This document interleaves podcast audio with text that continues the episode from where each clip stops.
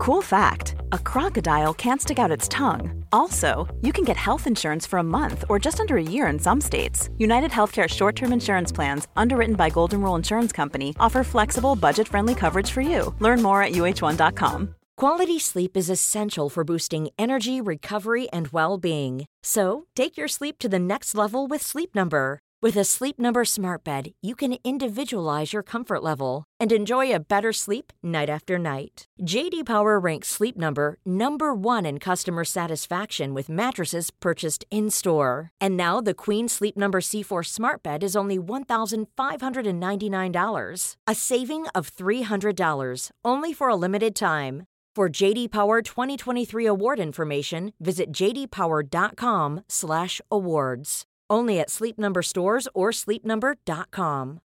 Botox Cosmetic, out of botulinum toxin A, FDA approved for over 20 years. So, talk to your specialist to see if Botox Cosmetic is right for you. For full prescribing information, including boxed warning, visit BotoxCosmetic.com or call 877-351-0300. Remember to ask for Botox Cosmetic by name. To see for yourself and learn more, visit BotoxCosmetic.com. That's BotoxCosmetic.com. I 2017 ble Julie uplanlagt gravid.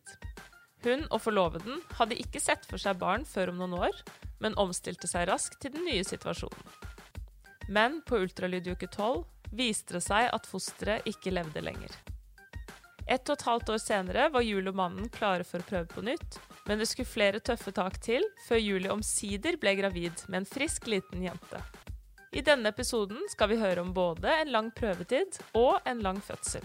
Sistnevnte ser heldigvis Julie tilbake på med stor glede.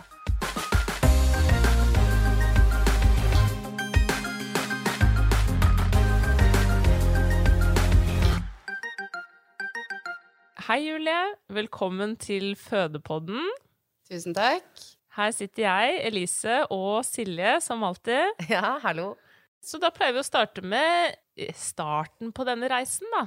Så når var det du liksom begynte å tenke på eh, graviditet og fødsel? Altså, jeg er yngst av eh, tre, altså fire søsken. Og jeg har jo alltid tenkt at jeg skal ha barn, eh, og gleda meg til det.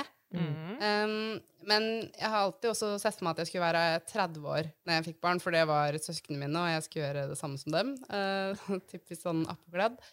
Um, så jeg hadde egentlig planlagt uh, å få barn rundt uh, 2020, så jeg for meg at jeg skulle få barn. Ja, for da var du 30. Ja. Ja. Men jeg hører et men her.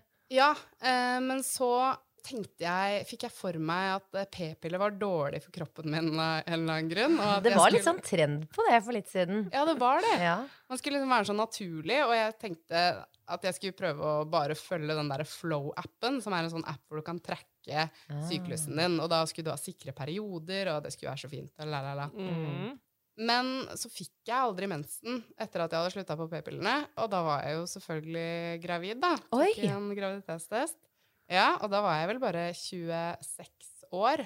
Men eh, hadde du da altså, For da hadde du bare sluttet på p-piller, og så hadde du aldri rukket å få mensen fordi du hadde blitt gravid på Ja. første eggløsning, da? Ja. Ja, men guri. Ja, meget fruktbar kvinne vi har å gjøre med her. Altså. Ja, wow. Jeg skjønte ikke helt hvordan det fungerte med dette med eggløsning først. Jeg, jeg ser nå i ettertid at jeg kanskje burde lese meg opp litt mer eh, på det, for jeg bestemte Jeg bare kjøpte appen, jeg. Men da jeg satt der med graviditetstesten, så fikk jeg litt sjokk, som varte kanskje en dag. Eh, og så ble jeg egentlig veldig glad og tenkte ja, men det her får jeg til. Og vi Det jo, skal jo være oss to, og mm, det er ikke noe problem. Så da det snudde relativt fort til en sånn ja, ganske lykke over at jeg hadde blitt gravid, og at det hadde gått så lett. Så mm, Mm. ja, jeg var lykkelig for det. Hvordan var det da du Altså, tok du en graviditetstest utelukkende fordi det hadde gått så lang tid uten mensen, eller hadde du begynt å kjenne på graviditetssymptomer, eller hva var bakgrunnen for det? Nei, jeg tok den fordi det hadde gått så lang tid. Det hadde gått to måneder uten ja. mensen. Så da tok jeg den for å være sikker før jeg gikk til legen og sjekka om det var, alt var i orden. Da. Ja, ikke sant. Og da sto det én til to uker på en sånn eh, Clear Blue, eh, Mm. som i, ettertid har jeg jo skjønt at kanskje ikke det var så godt tegn det hadde gått to måneder uten mensen, og det sto én til to på den, men det kan vi Mm. komme tilbake til. Ja, og du visste jo ikke når du hadde hatt eggløsning heller, så det var umulig å vite hva den skulle vise selvfølgelig. Ja. Og jeg visste ikke noen ting om. HCG-nivåer eller alt det jeg har lært det kom masse om senere. Ja. Ja. Og så gikk du og gledet deg over denne graviditeten, da. Og så Mm. hva skjedde videre? Eh, så skulle vi på en sånn ultralyd i uke tolv, bare for å egentlig sjekke nakkefold og den biten der, som er vanlig å sjekke. Mm. Eh, og da eh, sa, husker jeg hun tok sånn ultralyd utenpå magen. Så sa hun jeg ser en baby her, men den er nok dessverre altfor liten. Ja. Og da var det ikke noe hjerteaktivitet, og fikk beskjed om at jeg hadde hatt en såkalt missed abortion, i, og at babyen hadde vært, eh, ikke hatt hjerteslag siden uke ni.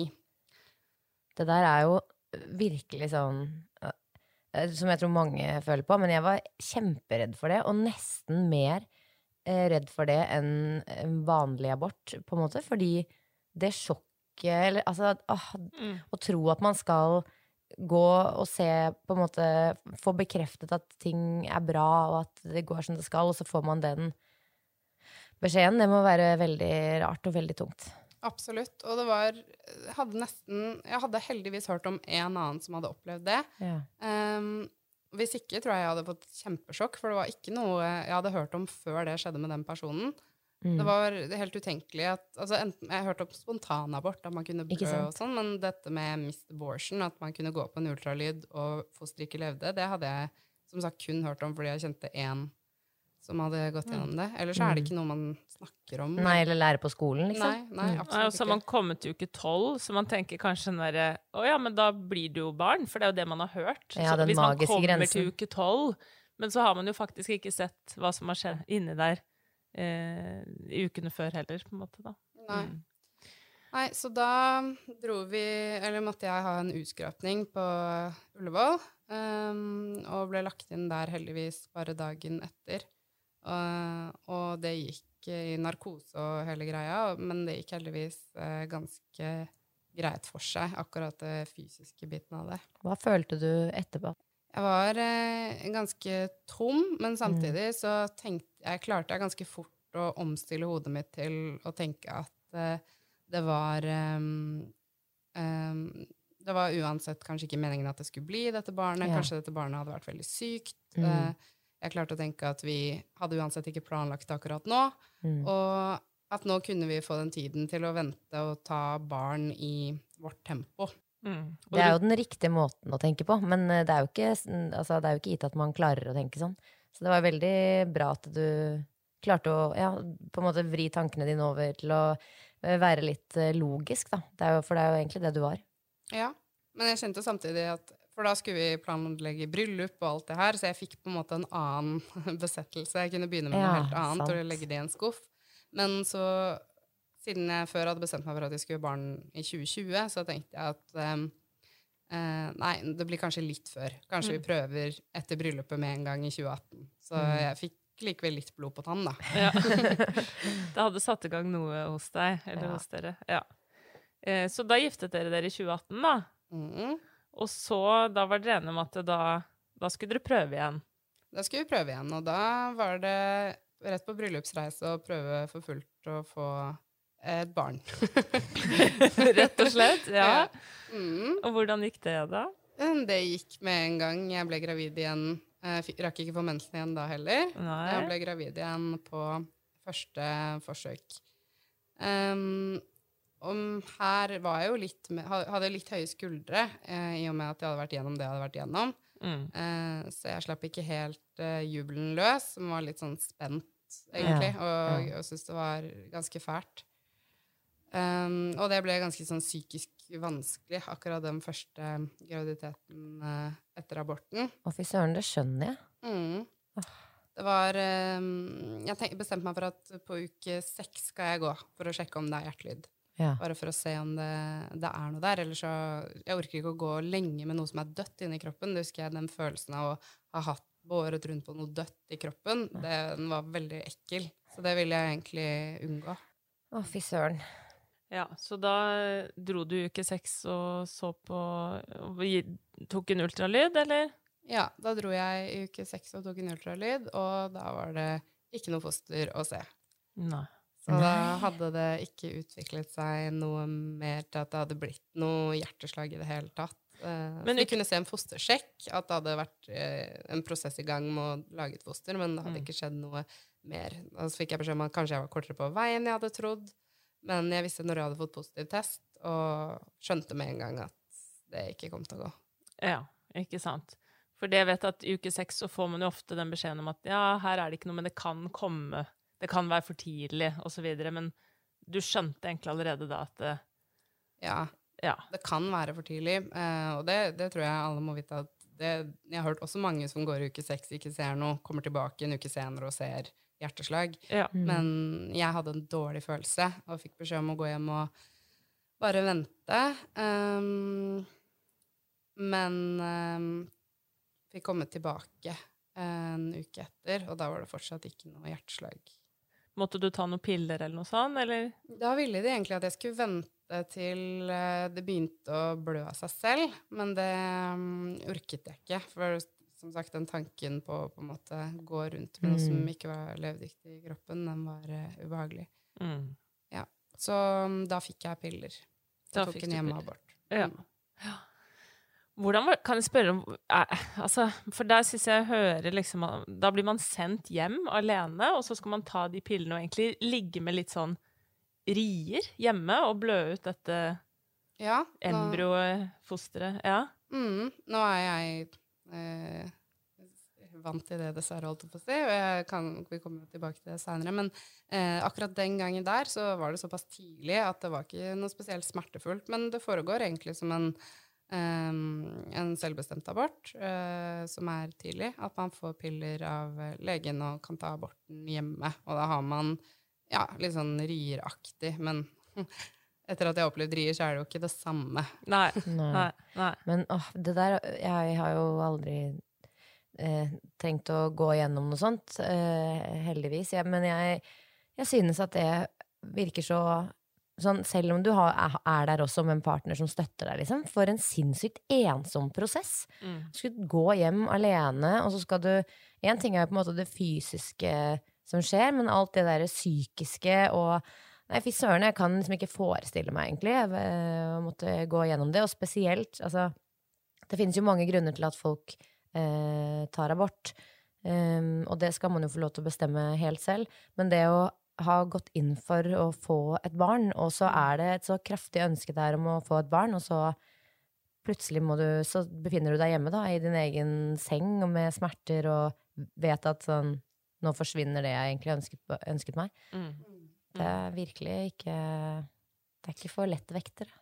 Nei, og det jeg kjenner at jeg har reagert på Nå har jo jeg bare mistet sånn veldig, veldig tidlig, så jeg har på en måte heller ikke opplevd det som du har opplevd, Julie. Men, men det jeg kjenner at jeg kanskje reagerer litt på, er når folk snakker veldig om sånn eh, men det er så vanlig og sånn. Jeg Mm. tenker eh, det er superviktig å få formidlet at det er kjempevanlig, dessverre, Mm. ikke sant? Men at det skal på en måte gjøre det noe mindre fælt for den som står oppi det. For jeg syns jeg, jeg ofte hører det som en slags trøst, eller sånn Mm. eh, Og ja, ja, man kan jo sikkert finne noe trøst i det, det kan jo du også si noe om, Julie, men, men, men jeg tenker at vi må ikke glemme at også vanlige ting er for jævlige. Også vanlige ting er grusomt tøft, da. Du ville jo ikke dratt ned til et fattig land der noen ikke har mat på bordet og sagt men det finnes jo flere enn dere som sulter. Nei. Det, er liksom, det gjør jo ikke situasjonen Nei, noe bedre. Nei, det er noe med det, da.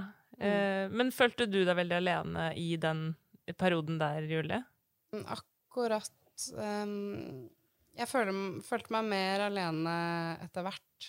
Akkurat Akkurat da så var det så midt i det, og um, jeg var bare besatt på å bli gravid igjen. Mm. Eh, så med en gang jeg var ferdig med akkurat den, ehm, den aborten, så prøvde vi igjen.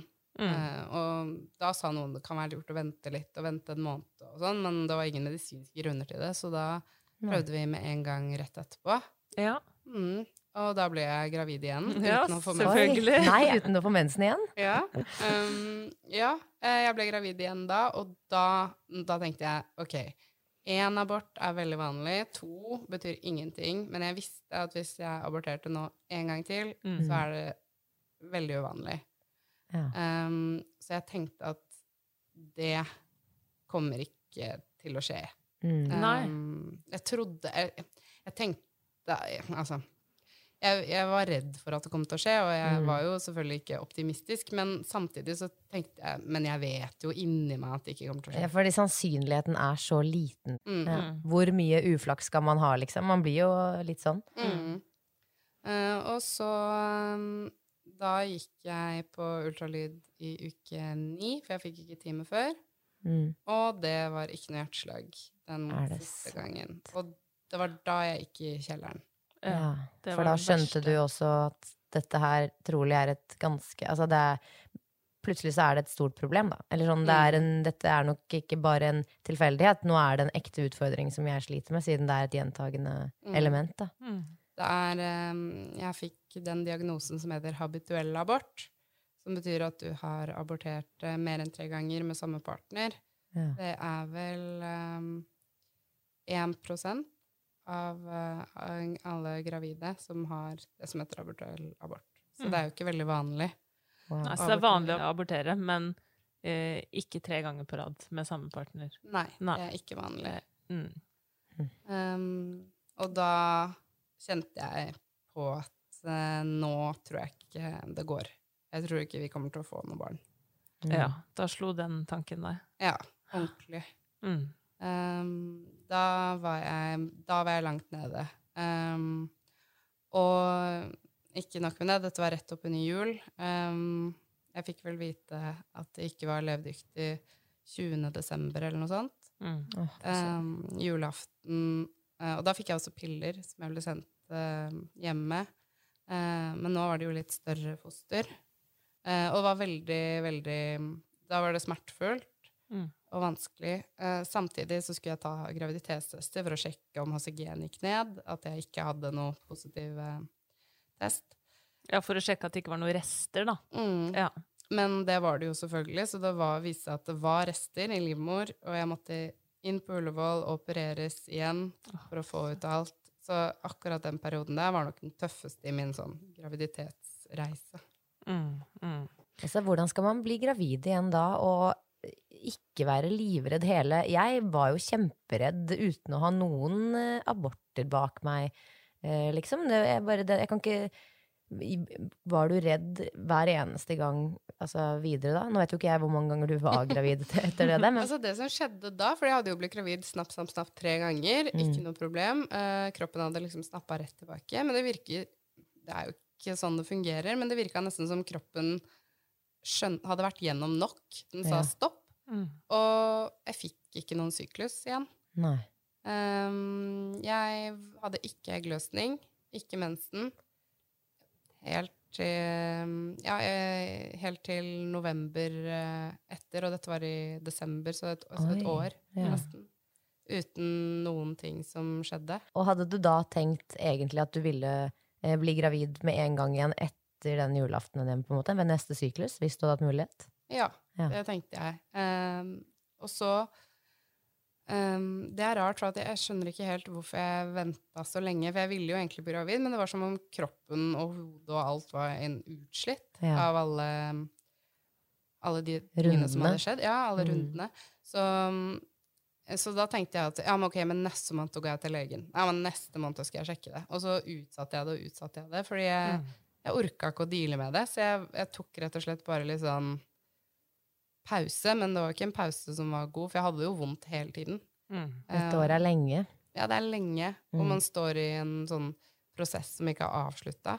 Mm. Um, samtidig som jeg har en far som er like pessimistisk som meg, som begynte å sette av penger til at jeg skulle ha surrogati i USA. Og da, Nei, det åh. var mye Han, greier. Så det var um, Hadde plan B og plan C og Ja, Ja. begynte å se, ta, se på adopsjon og alle sånne ting. Jeg måtte bare vite at det på en eller annen måte at jeg kunne bli mor. Og Ja. husker jeg tenkte at det er ikke så viktig for meg om det er på en måte biologisk mitt barn. Mm. Bare jeg kan oppleve å bli mamma, da. Mm. Ja, og så til slutt så eh, snakka jeg med den ene andre jeg kjenner som har habituell abort, som er helt rart at jeg, jeg kjenner en annen som har det. Ja, For det er ikke så vanlig. Eh, og hun sa du må gå til denne denne legen. Han kommer til å hjelpe deg. Åge. Åge. Det er lov å reklamere litt. Shout out. Så jeg gikk til Åge, og han sa ja, men dette skal du slippe å oppleve flere ganger. Du blir gravid. Dette ordner vi. Oi, Innen, eh, veldig mye selvtillit i den. Det er gøy. Han bare Ja, eh, nei, til neste jul så er du gravid og ser at dette går veien. Wow, for en fyr å møte i en sånn tid. Ja, det var helt fantastisk. Så da fikk du barn med Åge? Ja. da valgte jeg han. Herlig måte å score damer på. Ja. Nei, men da hadde du da truffet han som skulle hjelpe. Men hvordan, eh, hva var de praktiske tingene eh, som Ja. ble endret, da? Nei, altså Først måtte jeg ha en utredning for habituell abort, eh, Mm. som er en rekke sånne prøver, kromosomprøver og diverse, um, for å sjekke eh, om det er noen grunn da, til at vi um, mista Ja. så mange ganger. Eh, og da fant de ingenting. Eh, og da er det jo egentlig ingen forskning som viser at noe funker, men veldig mange gynekologer mener at det funker å ta blodfortynnende og progesteron likevel. Hva Eh, er bakgrunnen for det? Hva er liksom rent fysiologiske, vet du det?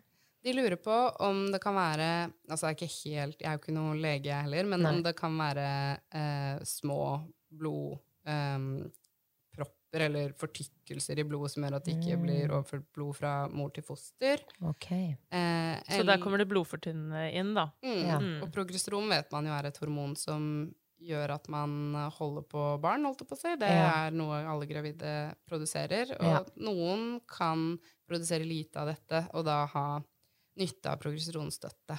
Mm. Man får det jo også etter IVF, gjør man ikke det, Lise? Jo, man gjør det. Det er helt eh, standard. Mm. Eh, og da handler det vel kanskje mer om at da vet man at man ikke har de Naturlige ja, ja, den naturlige hormonresponsen i kroppen, da, ikke sant? Mm. Fordi alt er styrt.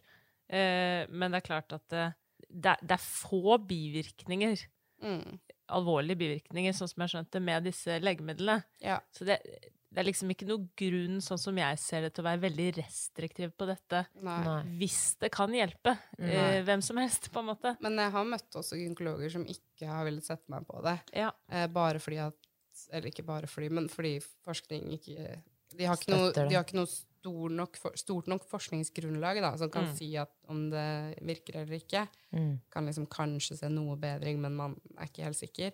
Mm. Så, mm, og da møtte jeg en som sa sånn Nei, du har nok bare hatt uflaks tre ganger. Og det klarte jeg ikke. Det har jeg ikke, vet du. Jeg har hatt uflaks tre ganger. Mm. Um, og heldigvis så Jeg var glad for at folk sluttet å si For første gangen hadde jeg brukt det der med at ja, dette var nok et sykt barn som en trøst. Nå når det har skjedd tre ganger, så sluttet folk heldigvis å si det. Det er, det er ikke det som er Nei. i veien. Det er for en grunn og sånn. ja, det sluttet man å Det sluttet ja. folk å si. Det her var Ja, dette var ikke din baby. Sånne idiotiske ting som folk liksom sier. Ja. uh, nei, her er det faktisk Det er noe galt som gjør at jeg at, at Det er noe i kroppen min da, som Mm. gjør at det ikke går. Det Mm. handler ikke om barnet. Nei. Det er vanskelig å finne trøstende, altså gode trøstende ord eh, som altså, Mm. venninne og sånt i den situasjonen, kan jeg se for meg også. Fordi Mm. man vil jo bare si det riktige, men hva er det, liksom? Ja, Mm. ikke sant? Var du åpen om dette mens det sto på, liksom? Mm, nei. Eh, eller eh, Nei, jeg var ikke åpen om det, for jeg syntes det var for vanskelig. Jeg var i en prosess hvor det var, som ikke var avsluttet. Mm. Men samtidig så husker jeg at når folk spurte sånn Ja, hva tenker dere om barn og sånn, som folk bare gjør av en eller annen merkelig grunn, eh, så husker jeg bare sånn Nei, vi kan ikke få barn. Bare også litt for å se reaksjonen Reaksjonen. til folk. For det er sånn, når du er så frekk og spør Mm. um, Da må du tåle et ekte svar òg, på en Ja. måte. Mm. Mm. Det tenker jeg, og det, det er jo blitt mye mer fokus på det nå, men jeg tror bare for et par år siden så visste ikke folk noe om at det ikke gikk an å spørre om. Ja. Um, en jeg jobber med, sa for eksempel sånn Ja, du er kanskje ikke så glad i barn? Du har kanskje ikke lyst på barn? Når jeg satt der og gjennomgikk Er det andre sant? Hvordan Altså, vedkommende må jo bare ja, ta pass av permisjon. Ja, Du hadde giftet deg, skjønner du, så da er det jo forventet at uh, man er gravid innen året er omme, antar jeg. Det må jo være noe sånn. Ja, Et eller annet sånn. merkelig, merkelige For en utrolig spesiell ting å si. Ja, Mm. virkelig. Du er vel ikke glad Altså, hva betyr Eller det? er du kanskje ikke så glad i barn? Ja, det var, Ok. det var Ja vel, Gunnar. da sier vi det sånn. Ja, uff a meg. Men ok, ja, så, så det, ikke sant? du står i den tøffe perioden, og så møter du Åge, da. Og Åge kommer med en garanti, Ja. eh, som han selvfølgelig ikke kan ha, men du kjenner, høres ut som da får du en litt sånn økt optimisme, kanskje, ja. etter en ufrivillig lang pause, da. Ja, og det var um, Han sa at vi skulle se over sommeren, for jeg gikk jo ikke til han før på sommeren, så han vi ser over sommeren nå om, du, om kroppen din starter igjen. Hvis ikke så gir jeg deg noen uh, piller som gjør at eh, kroppen setter i gang egg eggløsning. Så jeg fikk dem over sommeren, Um, men den dosen jeg fikk da, den um, var ikke sterk nok til å gi kroppen eggløsning. Nei. Nei. Og så ble jeg satt på en dose til. Uh, og da ble jeg gravid i november eh, 2019. Ja. Eller oktober-november 2019 igjen. Eh, hvordan kjentes det å få å plutselig sitte der med en positiv graviditetstest igjen da, etter nesten et år? Da eh, kjente jeg først på glede over å endelig være gravid igjen. Mm. Eh, og så kjente jeg på redsel og eh, fornektelse. Ja, spennende. Eller ikke spennende, kanskje, men, eh, men hva, hva, du, eller hva tenker du på da når du sier fornektelse? Eh, jeg og mannen min ble enige om at eh, dette skulle vi late som ikke hadde skjedd. At vi, vi snakket ikke om det, vi tenkte ikke på det, uh, for da ble skuffelsen lettere å håndtere. Mm. Ja. Eh, og mannen min hadde gått inn i en helt sånn Ja, han var helt sikker på at dette ikke kom til å gå. Ja. Um, så vi var enige om det. At uh, vi snakker ikke om det. Mm. Så det var sånn dere måtte håndtere det, rett og slett? Ja. Jeg skjønner jo litt det, at det føles eh, Det er lettere å legge demper på gleden eh, for å få en lettere sorgprosess, liksom, eh, enn andre veien. Mm. Men det er jo trist at det måtte bli sånn, fordi det er jo egentlig noe å være kjempeglad for, liksom. Mm. Det- jeg er sånn for alt. Altså, hvis katten, katten min har vært borte i to timer, så, så sender jeg et melding til alle jeg kjenner om at han er død. Bare for at jeg skal håndtere sorgen bedre når han kommer tilbake. Ja, Du er ganske god på å ta sorgen på forskudd, ja. Så da gikk dere inn i noen uker med fornektelse, hvor dere ikke pratet om graviditeten eller forholdt dere til den, egentlig, på Mm. noen som helst måte. Mm. Eh, og så, hva gjorde dere da? Var det ny ultralyd, eller? Ja, samtidig så var det litt rart å fornekte, fordi at jeg, ble litt dårlig. Eh, altså litt kvalm. Eh, det hadde jeg ikke vært eh, tidligere. I tillegg så eh, hadde Åge sagt at, eh, jeg kunne, at det kan være lurt å få sykemelding Ja. eh, med habituell abortdiagnose. Ikke Ja. igjen at man vet ikke helt hvorfor, men det er Jeg tror de vet veldig lite av hva som Ja. funker når det gjelder habituell abort, og så tror jeg de prøver en del ting, og så ser man at en tender love and care, altså få jevnlig oppfølging og ha en person som følger deg, og slappe av, ikke ha for mye på jobb og disse tingene, det har eh, Ja. positivt eh, utfall, da, uten at man vet hvorfor. Kan det være placebo eller hva som helst, det. Mm, Det er vel sjeldent at man tenker sånn der Men kan vi ikke bare adde litt stress oppi her, da? Sånn, det er sjelden det er en god ingrediens å ha med i heksegryta, liksom. Ja, så da sykemeldte du deg, da. Mm. Så da måtte du gå hjemme da, og late som du ikke var gravid, og late som du ikke helt visste hvorfor du var sykemeldt. Ja. Altså, jeg hadde prolaps i ryggen. Ja, ikke sant. Men det høres ut som noen lange uker, spør du meg, da. Det var det, absolutt. Eh, det var lange uker, men jeg var jo på ultralyd annenhver uke. Eh, og for meg er det, jeg vet ikke om jeg kan bruke det ordet, men litt traumatisk med ultralyd, rett og slett, fordi jeg har hatt så mange vonde opplevelser. Mm. så det var ekkelt å dra på de ultralydene, men samtidig så var jeg jo veldig glad hver gang jeg gikk ut derfra og så for første gang i uke syv et bankende hjerte, Mm. som jeg aldri hadde sett før på en ultralyd. Ja. Og så igjen i uke ti så jeg et eh, bankende hjerte, og da begynte jeg å kjenne at nå skal det mye til Mm. at det ikke blir eh, baby. Mm. Mm. For så langt hadde du aldri kommet før. Nei. Nei. Hvordan ble svangerskapet, da? Eh, Det ble ganske problemfritt, egentlig. Jeg var eh, i god form. Eh, Jeg hadde det veldig ja, veldig bra. Jeg var veldig lykkelig. Jeg lot faktisk Jeg husker jeg tenkte jo veldig at hvis jeg blir gravid, så skal jeg aldri la småting plage meg igjen. Eh, og det, jeg, akkurat gjennom graviditeten så klarte jeg faktisk å verdsette det, uh, selv om man ikke pleier å klare det. Det er fantastisk, da. Mm. Og så nærmet det seg For da hadde du termin på sommeren en gang, da. Ja, og da må jeg si jeg var så sinnssykt svær. Jeg la jo på meg 30 kilo. Og du er en, er- du er ikke Du er en en liten stor person jente. Her du sitter. Det var helt vanvittig. Eh, jeg så ut som en ordentlig mann. En blanding av en Judd Departieu, eller hva han heter, og, og Sean Bean, han i Ringenes herre. Jeg så sånn ut i ansiktet. For jeg var så oppsvulma. Jeg hadde føtter som en hobbit. Det var det sjukeste. Det var varmt. Jeg var peit. Jeg var så tung. Mm. Eh, og bare gikk og venta på at hun skulle komme. Men Ja. da, Og så fødeavdelingen på repeat, da. For det Mm. forbe sånn forberedte jeg meg til fødsel. Men selv om du la på deg da 30 kilo og så ut som både Sean Bean og Gérard Depardieu, så, så hørtes det ut som det var en lykkelig stund for deg, da. At det var liksom ikke eh, egentlig så plagsomt Eller ja, at det, dette var en fin tid. Ja, I hvert fall før var det en fin tid. Akkurat på slutten der, med de de 30 ekstra kiloene, så var jeg ble det ganske lei, ass. Ja, Mm. det er veldig Da gråt jeg hver dag. Ok, ja, så det var eh, tungt på slutten, ja. Kan du bære meg ut i parken, sa jeg til mannen min. og Han dro meg ut i Torshov-parken, og satt jeg der som en sånn svær hval med ingen klær som passet, og gråt. Jeg er så stygg. Ja, det, er, det er noe å være høy, høygravid, altså. Det er noe mer.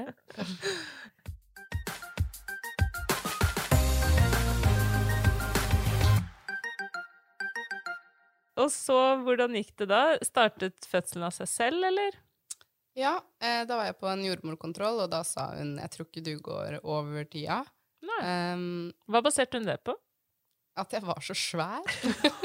Hun bare, denne kroppen kan knapt, den kan ikke tåle noe mer. Ja, det var rett og slett det hun sa. Det kom jo til et visst punkt hvor livmoren ikke kan tåle mer. Oi. Jeg ble jo sendt på sånn ekstrakontroll på sykehuset fordi de trodde ungen var så svær og sånn, for jeg hadde så vanvittig magemål. Ja. Det var hun ikke. Hun var helt normal. Det var bare jeg som var, som var veldig svær.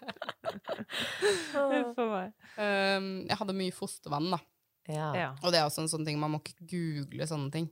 Nei. Når man skal Da kommer det opp mye rart. jeg. Googla sånn mye fostervann og fikk masse greier opp, men det var jo det var ingenting. Eh, Nei. det var bare at jeg hadde mye vann i kroppen, liksom, og hadde mye fostervann. Mm. Ja. Men hun fikk rett, da, hun eh, helsesøsteren, eller ja. jordmoren, eller hvem du var hos helsepersonellet. Ja, hun fikk rett Da gikk vannet rett etterpå. Eh, på kvelden, etter at jeg hadde vært hos noen venninner. Så skulle jeg gå og legge meg, og så gikk vannet på badegulvet. Ryan Reynolds here from Mint Mobile. With the price of just about everything going up during inflation, we thought we'd bring our prices down. So to help us, we brought in a reverse auctioneer, which is apparently a thing. Mint Mobile unlimited premium wireless. Ready to get 30, 30, bit to get 30, bit to get 20, 20, 20, bit to get 20, 20, bit to get 15, 15, 15, 15 just 15 bucks a month. So, Give it a try at mintmobile.com slash switch. $45 upfront for three months plus taxes and fees. Promo for new customers for limited time. Unlimited more than 40 gigabytes per month. Slows. Full terms at mintmobile.com. Quality sleep is essential for boosting energy, recovery, and well being. So, take your sleep to the next level with Sleep Number. With a Sleep Number smart bed, you can individualize your comfort level and enjoy a better sleep night after night. JD Power ranks Sleep Number number 1 in customer satisfaction with mattresses purchased in-store. And now the Queen Sleep Number C4 smart bed is only $1,599, a saving of $300 only for a limited time. For JD Power 2023 award information, visit jdpower.com/awards. Only at Sleep Number stores or sleepnumber.com. Hmm. Og da var fødselen i gang. Da var fødselen i gang. Hva, ja, hva kjente du da? Ja, da skalv jeg, sto og skalv og ringte sykehuset og 'nå begynner fødselen min'. Og hun var ja ja, men det går bra. Vær hjemme og kom inn når du får rier, og hvis ikke så kommer du inn klokka åtte i morgen tidlig. Og Ja. jeg tenkte jo at nå får jeg se babyen min om kanskje kan jo ta litt lang tid, altså kanskje 24 timer, da, hvis jeg skal være veldig negativ. Ja. Det høres ut som det endte opp med å ta litt lengre tid enn det. det kan du si. Litt lengre tid. Ja, fortell hva som skjedde videre. Eh, nei, jeg la meg jo på et håndkle, og hver gang jeg kjente et lite tak, skrudde på rietelleren, og, men det skjedde jo for å være ærlig egentlig ingenting. Nei. Så, mm, men jeg sov ikke så mye den natten. Jeg var veldig spent og lå og venta. Man har for mye adrenalin til å sove. Jeg skjønner ikke hvordan folk får til det. Nei, det er helt vilt. Dro inn på Ullevål klokka åtte. Babyen har det bra, du har det bra. Dro tilbake igjen. Dro inn på Ullevål klokka sju. Var det for ny kontroll, eller fordi du kjente på noe? Nei, ny kontroll. Ny kontroll, ja. Ingen kjente ikke på noen ting. Du har, det, du har det bra, babyen har det bra. Kom tilbake i kveld klokka ti. Ja. Dro tilbake klokka ti. Du har det bra, babyen har det bra. Ikke noe problem. Ja. Gå hjem. Kom tilbake klokka ni i morgen, så setter vi deg i gang. Ja. Så vannet hadde da gått onsdag, og nå er vi da på fredag morgen, der jeg Oi. kommer inn og skal bli satt i gang, da, fordi vannet er gått. Mm. Og hva var tankene dine rundt det å bli satt i gang? Veldig mange har jo enten et ikke-forhold til det, eller et litt anspent forhold til det. Eh, jeg- Eller, jeg husker, må bare skyte inn der, jeg husker at jeg hadde litt lyst til å bli satt i gang, fordi Å, jeg var så veldig klar. Nå rakk, hun kom jo nesten tre uker før, så det var jeg rakk ikke å tenke det veldig lenge. Nei. Men jeg husker jeg hadde liksom ingen motforestillinger mot det. Så, så jeg, hvis de hadde sagt til meg at nei, vi setter deg i gang, så tror jeg jeg hadde syntes det var helt ålreit. Så godt spørsmål, med andre ord. Mm. Mm. Ja, jeg var også egentlig innstilt på det. Jeg håpa å bli satt i gang. Eh, ikke sånn altså i utgangspunktet, men, men jeg var veldig eh, glad da, for, at, for dette var jo ikke 38 pluss et eller annet. Så jeg var veldig glad for å ikke ha måttet gå hele tiden ut. Jeg var Mm. veldig klar, så jeg, jeg syntes det var helt greit å bli satt i gang da. Mm. Hvordan ble du satt i gang, da? Det er jo litt forskjellige fremgangsmåter eh, der. Ja, jeg ble satt i gang med piller, eh, fordi ballong eh, ikke var hensiktsmessig når vannet hadde gått. De ville minst mulig oppi der Ja. eh, for infeksjonsfare og sånn. Så da fikk jeg komme på et sånt venterom oppe på Føde B på Ullevål. Og der lå det en dame som okket og stønnet og holdt på. Og jeg tenkte sånn, herregud, kan du ikke skjerpe deg? Man blir ikke helt motivert av de greiene der heller. Nei, og det var jeg, Du Tenkte 'styr deg, kvinne'. litt. Jeg må innrømme, jeg må innrømme at akkurat da når jeg var var det sånn Så vondt kan, Kan det det ikke være? være. Å, herregud. Jeg hadde blitt så sur hvis jeg hadde funnet ut at noen hadde tenkt det om meg da jeg lå og hadde det verste tiden i livet mitt. Grusomt. Den Fikk sikkert spise de ordene etter hvert, tenker jeg. Ja, det var ikke, var ikke pent. Men jeg, nei, jeg fikk de pillene, kjente ikke så mye. Jeg lå der og så på Harry Potter-maraton og slappet av. Men det var jo koronarestriksjoner, så jeg var jo aleine. Ja. Um, og så forsvant hun ut rimelig fort, og da hadde jeg det rommet for meg selv. Så det var egentlig helt greit, altså. Og så satte de um, flere og flere piller. eh, og um, fikk litt vondt da etter hvert, men sånn, ikke, sånn at jeg kunne puste meg gjennom det. Hva er liksom tidsaspektet her? Eh, Siden du sier de fylte på på måte med piller hele tiden. Hvor lenge lå du der, eller hvor ofte kom de? Eh, jeg fikk vel nye piller med sånn fire timers mellomrom. Så hvis jeg fikk første pille kanskje ti, da, for jeg måtte registrere meg alt sånn klokka ni. Um, så det var utover formiddagen og ettermiddag og kveld hvor jeg Ja. fikk piller. Det var en hel dag til, med andre ord. Å ja da, jeg lå der en hel dag til, og var på natten så begynte jeg å kjenne litt. Ja. Sånn ja, rundt tolv, tolv, kanskje. Da begynte jeg å måtte kjenne at jeg måtte puste meg litt mer gjennom. Ja, og da var du fortsatt alene. Da var ikke mannen din med deg. Nei, for han måtte komme når det var eh, ja, fire centimeter åpning og aktiv fødsel. Da. Ja. Hvordan var det egentlig? Eh, han fikk komme på besøkstid, faktisk, klokka fire. Ja. Mm, men det var ganske fælt, altså. Og utover natten så ble det vondere og vondere. Og de sjekka meg ikke så ofte. Fordi eh, de ville som sagt ikke ta for mye oppi der. Mm. Eh, men klokka fire på natta, da fikk jeg eh, fødestue. For da sjekka de, og da hadde jeg 3,5 cm åpning, og de hadde en ledig fødestue, så da sa hun at jeg kunne få komme på fødestua. Ja. Og da fikk mannen din komme også. Da fikk han komme. Og Mm. da kom han inn i rommet akkurat idet jeg fikk klyster dyttet opp i rommet. så det var synet som møtte han. Og jeg hadde en veldig snill jordmor da, som het Kine, som drev og ordna rundt meg og eh, tok forring for og holdt på å skulle verne min om, om hvordan jeg- privatliv. Ja, så jeg, han, har sett meg naken før. det Ja. Jeg må bare skyte inn at Kine også tok imot Norunn, min datter. Nei, er det sant? Det er ganske fantastisk. Vi hadde samme nydelige jordmor Mm. på Ullevål. Yes. For det som er funny med det, er at hun sa til meg da Ja, nå ses jo ikke vi igjen, da hun gikk eh, fra vakt sånn seks eller et eller annet sånn. Ja, nå ses jo ikke vi igjen, og det, i morgen når jeg kommer på jobb, så er du sikkert inne på barselhotell og alt sånt her. Mm. Men det var jo hun som tok imot Elinor da hun kom tilbake. til Nei. Jeg trodde kanskje dere ikke kom til å se hverandre fordi hun skulle henge opp flere forheng. Men hun drev og verna meg altså, hele veien. Nei, men shit, Så hun rakk faktisk å komme tilbake igjen, hun, fordi du eh, Det gjorde hun. Ja. Mm. Du holdt på Elinor så lenge du kunne. Ja, jeg hadde Jeg tror at jeg hadde en, to, tre, fire Ja, fem jordmødre innom. Oi. Fy søren. På fødestua? Ja. Det er jo helt uh... Mm. Det er en lang fødsel. Mm. Hvordan? Altså, Kine var den samme, da, så for fire Jo da, ulike, da. Mm. Men fem vakter, liksom. Mm. Ja. Men hvor lenge altså, fra, fra, Hvor lang var fødselen din i totalt? Fra Totalt vannet gikk Eh, ja, det kan du ja. Fra vannet gikk, vannet gikk onsdag kveld, og hun var ute klokken halv ett på natt til søndag. Oi. Ja. Det er, eh, det er Det er ikke en sprint, det Nei. er et maraton. Ja. Wow. Det er hele torsdag hvor ikke så mye skjer. Ja. Hele fredag hvor jeg blir satt i gang. Lørdag hvor egentlig fødselen er. Og så blir hun født da søndag, tidlig søndag morgen. Men foreslo de på noe tidspunkt keisersnitt og sånn, når det tar så lang tid? Ja, ja. De, vi, vi kom jo dit. De ville det eh, på slutten. Eh, vi kommer jo kanskje litt mer inn på det hvis vi, når vi nærmer oss slutten på, på, På selve fødselen? Ja. Ja, så, det var, så det var først mot slutten. Det var på en måte ikke ja, Etter at de begynte å gi deg pillene og sånn, så var de relativt fornøyde med fremgangen. Ja. Men så hva skjedde da? Stoppet det opp på et tidspunkt, eller? Det stoppet ikke he helt opp. Um, det gikk veldig sakte. Uh, men uh, det var hele tiden litt progresjon som gjør at jeg tror at de fortsatte. Ja. Uh, men jeg gikk etter hvert over på drypp, Mm. og fikk eh, epidural eh, da de skulle sette i gang dryppet. Og da var jeg fortsatt bare på sånn fire centimeter. Mm. Mm. Men eh, fikk du, hadde du vondt da, siden du både hadde epidural og drypp? De jobber jo litt eh, Mot mot hverandre. Ja. Eh, du, jeg hadde veldig god effekt av epiduralen.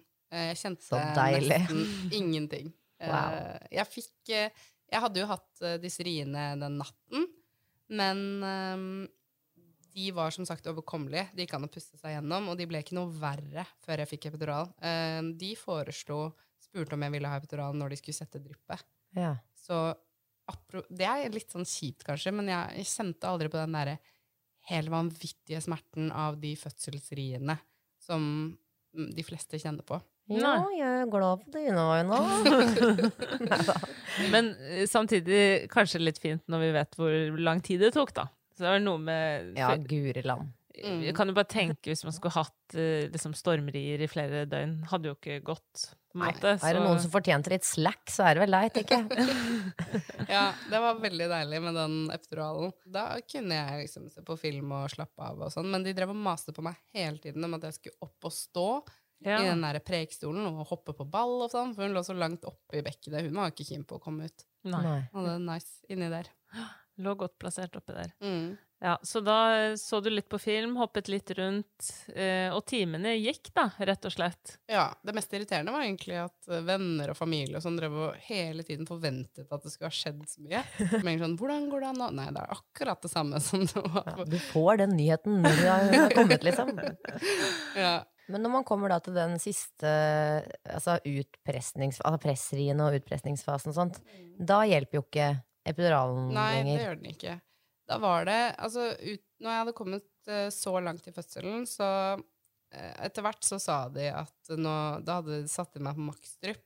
Ja, De ville at hun skulle ned. Det var det som var den største utfordringen, at hun ikke kom nedover. ja. Um, og det som var ekkelt for meg, var at de hele tiden kom dragende med et ultralydapparat. Og det kjent, har jo jeg som Veldig dårlig Ja. erfaring med, ja. Ja, så var, eh, det syns jeg var veldig ekkelt og ubehagelig, og prøvde å si fra, men akkurat det fikk jeg på en måte kom jeg ikke gjennom med. Og jeg skjønner jo at de helt sikkert måtte sjekke hvordan hun lå, men for meg så var det bare Triggende. triggende, og jeg følte at de skulle finne ut at hun ikke levde lenger. Ja, eh, selv om hun hadde hjertemonitor og eh, en sånn greie på hodet og alt mulig. Men Det stresset var nok ikke noe bedre for eh, Altså, det gir det Skaper jo adrenalin som forhindrer oksytocin og gjør det liksom vanskeligere for fødselen å komme i gang, da. Mm. mm, Sikkert. ja, eh, det hindrer jo oksytocinet, som du sier. Jeg tror at eh, det absolutt var med på å gjøre at fødselen min tok så lang tid. Mm. Um, det var veldig ekkelt. Jeg prøvde å si fra til jordmødrene, og, og de prøvde å være litt på mitt lag, men ja, min erfaring var at fødselslegene de så ikke meg så mye. Jordmødrene var veldig på min side hele tiden. Mm. Jeg hadde kjempeflinke jordmødre, alle sammen. Men uh, fødselslegen, som var mye inne hos meg, fikk jeg ikke noe personlig kjemi med. Jeg hilste ikke på meg. Kom dragende med ultralydapparat. Uh, bare sa sånn Ro deg ned! Ro deg ned! Veldig sånn strengt. Uh, når jeg sa sånn Kan vi være så snille å ikke gjøre det? Liksom pusta og det, det var ikke noe ålreit opplevelse. Nei. Akkurat det der. Men ja, de, de var bekymra for at hun ikke kom lenger ned, og til slutt så sa de fødselslegene mens jeg lå der med ultralydapparatet, og de hadde sjekket, og jeg lå og skalv, så sier de bare sånn Nei, dette, hun her får ikke til å føde, dette blir keisersnitt. Nei, sa de det? Ja. Wow. Hva tenkte du da? Da kasta jeg opp, for da var jeg så sliten. Eh, Nå hadde jeg holdt på så lenge og jo- jobba, holdt jeg på å si. Selv om jeg ikke hadde de store smertene, så hadde jeg jeg følte jeg hadde vært på jobb lenge. Ja, ja, ja. og om alt skulle Jeg fikk, følelsen av at alt ville være forgjeves da, hvis det ble keisersnitt. Mm. Så da var jeg veldig lei meg. Og så kom eh, Kine tilbake på jobb. Mm. Og da sa hun jeg syns at vi skal prøve. Nå har du 10 cm åpning. Nå, selv om hun ligger langt oppe, så syns jeg at vi skal gi henne sjansen, sa hun til fødselslegene. Åh, Så fikk jeg tatt noen sånne, ja, det var veldig bra. Jeg fikk noen sånne, tatt noen sånne testtak hvor de liksom skulle sjekke hvor god jeg var til å presse. Og da fikk jeg skryt, og det husker jeg, da ble jeg jo veldig fornøyd. Og da kom hun fødselslegen og var veldig skeptisk, og så hun liksom testpressene mine og bare 'ja, ja, men hun kan få det til, det', og sånn, og da fikk jeg litt boost. Ja, Selv fødselslegen snudde, altså. Mm, Ja. for da begynte jeg å kjenne litt sånn antydninger til presserier. Da ble det en lang eh, sånn utdrivningsfase, da, eller? Med pressing? Jeg pressa i to timer. Å, fy søren. Og de har egentlig en grense på én time, så det sier jo litt, da, om at eh, Ja. det er lenge. Ja, det er samme opplegget som meg, det. det er, Ja. ja. Nok av tid. Det er nok av tid. eh, Mm. Og det var spesielt Det var vondt, Ja. Mm. syns jeg. For da var det jo ikke den Hadde jeg ikke den epiduralen. Mm. Og det var Samtidig så hadde de hatt meg på maksdrypp, så i starten var det vondt, og, men vi følte framgang, og så stoppa egentlig riene opp. Og da sa de nå er du så nærme, nå må du bare presse på vilje. Ja. Så da hadde jeg Kjente jeg ingen pressrier, eh, men de prøvde å se på den skjermen om det var eh, noe rieaktivitet der, og så fikk jeg bare beskjed om når jeg skulle prøve å presse. Eller du kan godt prøve å presse nå. Hvordan gikk det, da? Eh, Blei det barn? ja. Eh, jeg må bare si noe jeg glemte. Før jeg fikk lov til å presse, så var hele tiden premisset at hun skulle komme langt nok ned til at vi kunne ta henne med vakuum. Det var enten Ja. det eller keisersnitt. Ja. okay. Så det var alltid premisset. Um, og det gikk veldig fint. Uh, et, eller veldig fint. Det tok lang tid. Eh, mannen min fikk beskjed om å massere nipplene mine for å Ja. prøve å skape noe Stimulere. oksytocin. Mm. Det føltes kanskje litt spesielt. Jeg tenkte ikke så mye på det, men han følte det litt sånn i spotlighten. Og han sto der skulle massere nipplene mens det sto en fødselslege og to jordmødre. Ja. Eh, Inne på den hektiske fødestuen, liksom? Ja. Ja, ja. Men eh, de fikk satt på eh, vakuumet og tok bare ett drag med det. Oi, og så var hun ute? Så var hun ute. Men den der Ring of Fire er kanskje det jeg husker best som mest vondt fra min fødsel. Og det har jeg hørt at mange ikke syntes var så vondt, mm. eller tenkte på. Men akkurat da for meg, da tenkte jeg ja, det var som å bæsje vannmelon. Ja. ja det da kan du si det. jeg følte at dette det går ikke. Og da ropte jeg sånn Dere må klippe meg opp! Bare klipp meg opp! Da får dere den ut! Ja. Kjent sak. Ropte det samme. ja, du gjorde det. Ja, ja, ja. Det var, det var panikk. Akkurat det var ja, panikk. Ja, ja. Virkelig. Men så kom hun opp eh, Ja, og apropos, hvordan ble det mye rifter og sånn, eller? Eh, Et, jeg ble jo klippet på grunn, Ja, fordi klippet, de skulle ja. ha vakuum. Mm. Mm. okay, Så du endte med å bli klippet? Ja, jeg ble Ja, klippet, ja. Det var, det er all, jeg tror det er standard når du skal ta vakuum, så klipper de. Ja, ja, ok. Mm. Så de hadde et klipp, um, men det var veldig Ja, bare ikke klippet oppover, som jeg ville. da. Jeg ville at de skulle klippe opp magen. Liksom. sånn, ja. Ok. Ja, det var, Bare fortsett! Men uh, hun kom, uh, hun kom ut uh, da, og da var hun helt eh, blå og stille og død fisk som lå på siden. Jo. Da kjente jeg bare en sånn liten, livløs kropp på låret mitt. og kjente ok, men det var sånn det skulle gå. Å, herlighet. Da var hun død. Det er jo sånn det må gå med meg. Det var følelsen jeg fikk. Ja, hva skjedde da? Hadde hun svelget fostervann, eller var det navlestreng, eller var det bare at hun var treg til å ta åndedrag, liksom? Hun hadde jo hatt en veldig lang fødsel, og hun hadde klart seg veldig bra på hjertemåling og sånn hele tiden, men, Mm. men det er jo klart at når du har en så lang pressfase, så er det tøft for henne. Eh, Mm. Så jeg fikk egentlig ikke noen forklaring på akkurat hvorfor.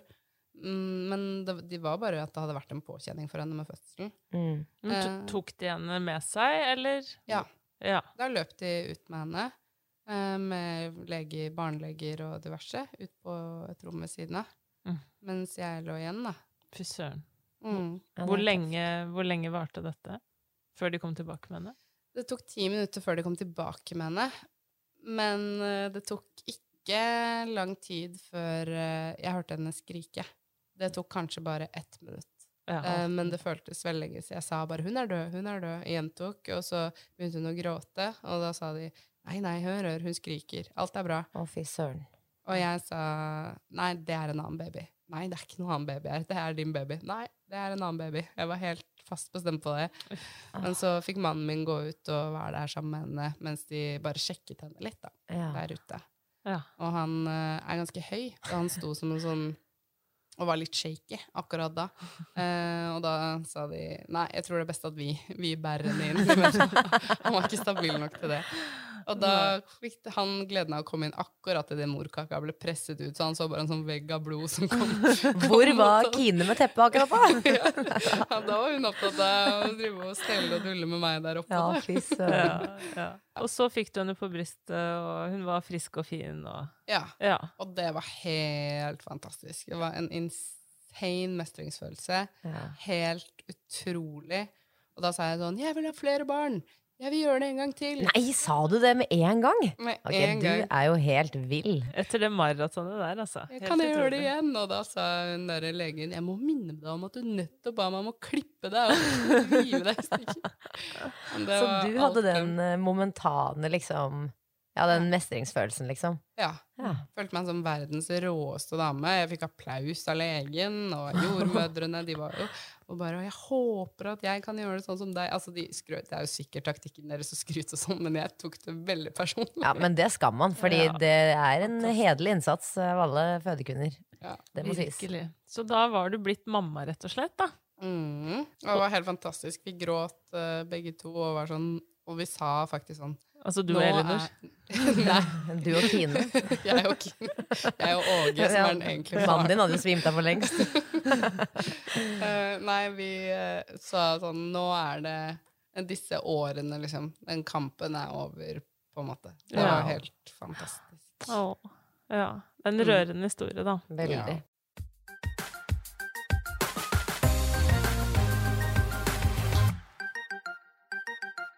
Og hvordan ble tiden eh, på barsel, og hvordan var det å være mamma, liksom, helt i starten? Eh, det var egentlig helt fantastisk, men eh, jeg hadde hatt en røff tørn da, med fødsel, så jeg måtte ligge på barsel. Fikk ikke komme på det barselshotellet. Eh, så akkurat da ble jeg dytta inn på et rom med eh, noen, noen andre som lå på barsel. Det var litt ubehagelig. Man er ganske sliten, så Ja. vi to, jeg og barnet, da, ble dytta inn på et rom. Og der eh, var det en dame som fikk lov av partneren sin på å boende der. Å ja. Eh, fordi de hadde fått et barn som ikke var helt friskt. Så de gikk gjennom sin krise. Eh, mens vi lå bak en skillevegg på andre siden der, og han mannen gikk forbi hver gang de skulle sjekke meg, og det, det var litt eh, Det føltes litt intimt å være innpå dem i deres liksom, Mm. fortvilelse, og samtidig Ja. som jeg hadde jo nettopp gått gjennom en fødsel som er eh, Mm. intenst nok, Ja. og ikke helt fikk den roen og hvilen som jeg følte at jeg trengte, da. Nei. Og med mannen min som ikke fikk lov å komme når han ville, og bare måtte komme i de to timene om dagen. Mm. Så han måtte dra hjem, liksom. Det føltes eh, ikke noe bra. Nei. Hvor lenge var du der, da? Jeg var der i eh, 24 timer, Ja. eh, og så fikk vi lov til å dra på barselhotellet. Mm. Ok. Og der ble dere i alle de tre dagene man kan være, eller? Ja, Ja. og vi fikk eh, en ekstra dag fordi hun var født eh, så tidlig på natten og sånn, så det var veldig eh, Det var egentlig fint å være der sammen. Mm. Men det var sommerferie, så jeg, tror- jeg merka nok litt at det kanskje ikke var de faste som jobba. Å ja, du, du merka det? Ja, det var, det var mye strenge, strenge damer. Ehm, de, var, de var litt strenge mot meg, altså. Okay. Uh, så jeg fikk kjeft og sånn. Jeg glemte å tørke blod fra hælen når de tok sånn følgetest. Og de kom Oi. ikke Det var ganske dårlig oppfølging, egentlig, eh, som jeg fikk uh, oppleve der. Det kan hende at det var sommerturnusen som ikke var helt Mm. Eller korona, eller et eller annet. et eller annet. Men sånn skal det jo ikke være uansett, Nei, tenker jeg da. skal ikke det. Så det er jo Det er også trist å høre. Hvordan var det å komme hjem? Klarte dere liksom å få til amming og Ja, det var veldig heldig Sånne type ting. det. Amming gikk veldig greit, eh, og jeg hadde en fornøyd og rolig baby. Så akkurat eh, Det var på en måte veien til å bli gravid som var det vanskeligste, og en litt lang fødsel. Mm. Og så gikk egentlig ting veldig bra. mm. Så godt å høre. Ja, og kjente på den intense lykkefølelsen som jeg vet at mange ikke kjenner på. Mm. Eh, og som kan være vanskelig fordi det er forventningen av samfunnet. Men jeg var heldig og kjente på den, da. Ja. Mm. Eh, nå vet vi jo litt om hva du tenker om å føde igjen. Eh, men eh, hva tenker du om å gå inn i den prøveprosessen igjen, hvis dere ønsker dere flere barn, da? Mm, jeg tenker at eh, det kan godt hende at det blir like vanskelig en gang til. Eh, men samtidig så er det en vesentlig forskjell på det å ha barn og det å ikke ha barn. Mm. Eh, det er den store livsendringen, tenker jeg. Og så er det selvfølgelig annerledes å være tobarnsmor eller trebarnsmor, men, men jeg tror at jeg skal tåle Mm. det ganske mye bedre nå, denne Mm. gangen her. Mm. Eh, fordi at Ja, det viktigste for meg var å få et barn, og det sa jeg også før jeg ble gravid, at hvis jeg klarer å få ett barn, så skal jeg aldri klage på at for det er vanskelig å få to eller tre. Jeg skal være fornøyd med å ha det barnet jeg har fått. Og Mm. det har jeg klart å holde på. Ja. Mm. Nei, men det har vært så fint å prate med deg, Julie. Jeg syns du har fortalt en vakker og rørende og tøff og fin fortelling. Virkelig. Så takk for at du ville komme og dele den i Fødepodden. Tusen takk for at dere ville ha meg her. Så får du gå hjem og kose med barnet ditt. Det skal jeg gjøre. Og katten. Og katten. Og gaten.